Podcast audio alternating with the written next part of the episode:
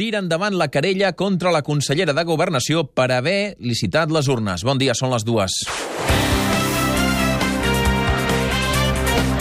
Catalunya migdia. Amb Òscar Fernández.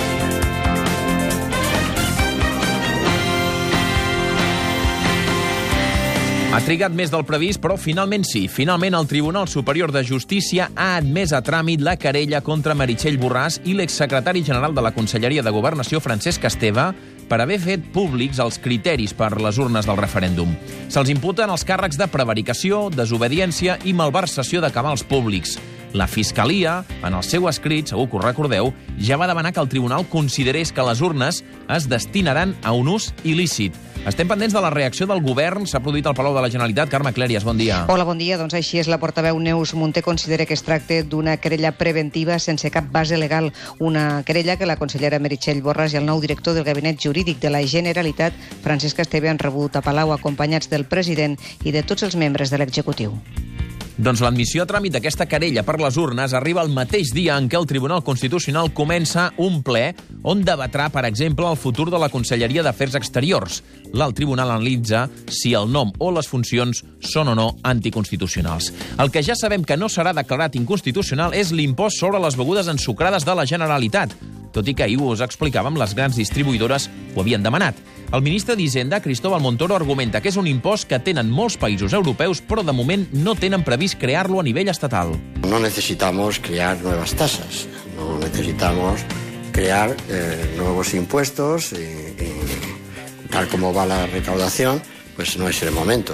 Vemos que la creación de esas tasas es perturbadora. Un Montoro que avui també ha parlat del cas Cristiano Ronaldo, que ja té data per declarar sobre el seu futur, sobre el seu suposat frau fiscal. En parlarem als esports d'això i de que la Fiscalia també investiga José Mourinho per frau fiscal de 3,3 milions d'euros. Per cert, i parlant de fraus, avui tenim escorcolls en marxa a les GAE, a la Societat General d'Autors. La policia busca indicis que alguns socis haurien pogut desviar diners de drets d'autor de músiques que tenen algunes televisions autonòmiques emetien sobretot en programes nocturns. Anem a Madrid, Lali Ferrer, bon dia.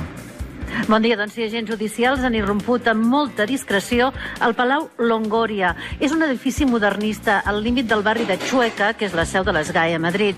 Busquen documentació sobre l'anomenat cas Rueda. És una xarxa muntada per recuperar part dels drets d'autor pagats per programes de televisions autonòmiques.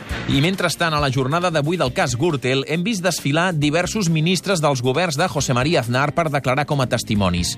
Homes com Rodrigo Rato, Javier Arenas, Ángela Cebes o Jaime Mayor Oreja han hagut de respondre sobre les suposades donacions opaques al Partit Popular. I tots han coincidit a tirar pilotes fora a Madrid. Albert Calatrava, bon dia. Sí, pilotes fora. S'han assegurat que la tresoreria del PP funcionava de manera autònoma al marge del control polític i que ells no en sabien res sobre donatius i estranyats com Javier Arenas que algú del Partit Popular pugui tenir diners a Suïssa. Nunca, nunca puede entrar en mi cabeza, comprenda un poco mi reacción de sorpresa, ¿no? Nunca puede entrar en mi cabeza que el Partido Popular tuviera fondo en Suiza. Nunca, jamás. A Portugal, mentrestant, la lluita contra els incendis continua. Ja s'ha cremat una superfície equivalent a la meitat de la Vall d'Aran està començant a esgotar les forces dels equips d'emergències. Enviada especial a Portugal, Montse Poblet. Sí, estan molt cansats. Fa quatre dies que treballen sense parar. N'hem trobat uns quants dormint als camions, molt preocupats per l'evolució del foc que ha entrat en valls molt estretes on no poden treballar els mitjans terrestres. Ahir l'hem trobat a una de les carreteres on el foc ha fet més mal, encara plena d'arbres caiguts i amb moltes columnes de fum al bosc. Molt, molt cansats. Fem parades, però tenim poc descans. Puc descans. I avui és el Dia Mundial dels Refugiats i l'ACNUR ha tornat a posar-hi xifres. A hores d'ara hi ha 65 milions de persones a tot el món que han hagut de fugir de casa seva per culpa de la violència. És com si tota la població de França fos refugiada. És una xifra mai vista fins ara. Una altra dada que recordem en dies com avui és que, malgrat la cobertura que donem a l'arribada de refugiats a casa nostra, el 84% estan acollits en països pobres. Espanya, per exemple, ha acollit 1.300 dels més de 17.000 refugiats que li exigia la Comissió Europea. I de la cultura, avui s'ha presentat Fira Tàrrega, la fira referent a Catalunya de les arts de carrer. La participació del públic centrarà més que mai aquesta edició. Seran una cinquantena d'espectacles, més de la meitat catalans, de teatre, de circ, de dansa i d'arts visuals. L'espectacle inaugural es farà el dia 7 de setembre. Una acció performàtica, ens diuen, de De Vilaró, que durarà, atenció, 40 hores. Montse Mas, en què consistirà? Doncs consistirà en aplegar-se a la plaça Major de Tàrrega des de les 7 del matí del dia 7 fins a les 11 de la nit del dia següent per escoltar el batec del cor de l'artista i de diverses persones del públic mentre passen coses al seu voltant. L'acció és un bon exemple de l'esperit tiratàrrega d'enguany, com sintetitza el seu director Jordi Duran. Aquest any no plantegem què venim a veure, sinó què farem plegats. Quan passin 5 minuts de dos quarts serà el moment de la informació territorial, que és el més destacat del dia a Lleida, Noelia Caselles. Doncs que l'Ajuntament de Lleida adquireix l'històric edifici de la farinera La Meta, un referent del modernisme industrial a la ciutat. L'acord també inclou els immobles del costat que es troben dins el pla de l'estació, on s'ha de tirar endavant un projecte que inclou l'estació d'autobusos, cases i equipaments. Ara anem a Girona, Clara Jordan. A partir d'ara, qui vulgui fer una flash mob o qualsevol acció al carrer a Platja d'Ara haurà de demanar autorització i donar-ne els detalls si no vol rebre una multa de fins a 750 euros.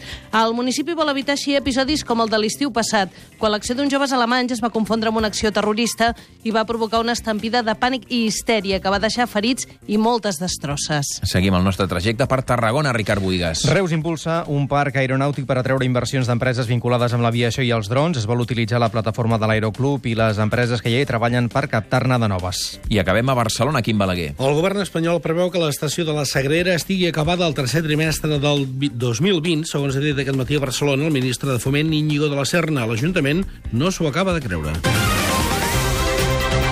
I després de les notícies pròximes serà el moment de l'actualitat esportiva. Robert Prat, bon dia. Bon dia. Us ho hem dit fa uns minuts. La Fiscalia de Madrid acusa José Mourinho, un altre nom propi que vincula futbolistes i jutjats. Mourinho, l'exentrenador del Real Madrid, ha estat acusat per un delicte fiscal comès als anys 2011 i 2012 de 3,3 milions d'euros.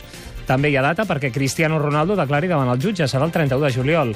Escoltarem les declaracions del ministre d'Hisenda Cristóbal Montoro sobre el cas Ronaldo. També les de Cito Alonso, presentat com a nou entrenador del Barça de bàsquet el mateix dia que el València no renova Pedro Martínez. La derrota del Barça de futbol sala a la final de la Lliga i la situació del Nàstic no té tècnic seran temes de què parlarem a tres quarts de tres.